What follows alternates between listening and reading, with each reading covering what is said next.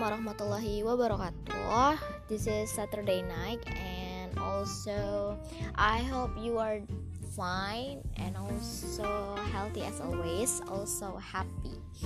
So, I want to share with you about what I have read on the Bestify Me as an applications. It I think it's interesting when we know about 10 things to do before 10 a.m. for having such a productive day. So, if you think your morning is getting chaotic and frustrating, you need to switch your morning routine a little. So, it's also a reminder for myself actually. So, remember that day when you when we woke up in the afternoon, spent all day in the sheets doing nothing, and later fell back to sleep satisfactorily me neither. So waking up early sounds difficult, but it's so much satisfying than you think. So in fact, it is one of the most fulfilling daily routines to stick to. You must have heard about this saying in order to sleep better, you may need to work harder during the day.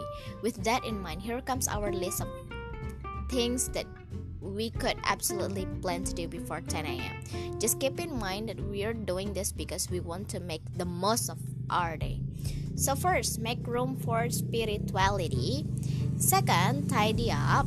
Third, soak in some sunshine. Fourth, read something uplifting. Fifth, drink a glass of water, but it could be a lemon also, or anything juicy. Next is plan your day and then tick off one or two important tasks.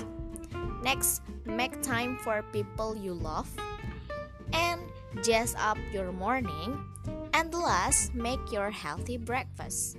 So that's all. I think it's what we can do before 10 a.m. to make your day become better, brighter, and also happily ever after.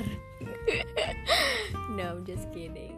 So, yeah, that's my hope for you all. So, have fun and also have a good Saturday night with your partner, with your friends, or also maybe yourself. See you.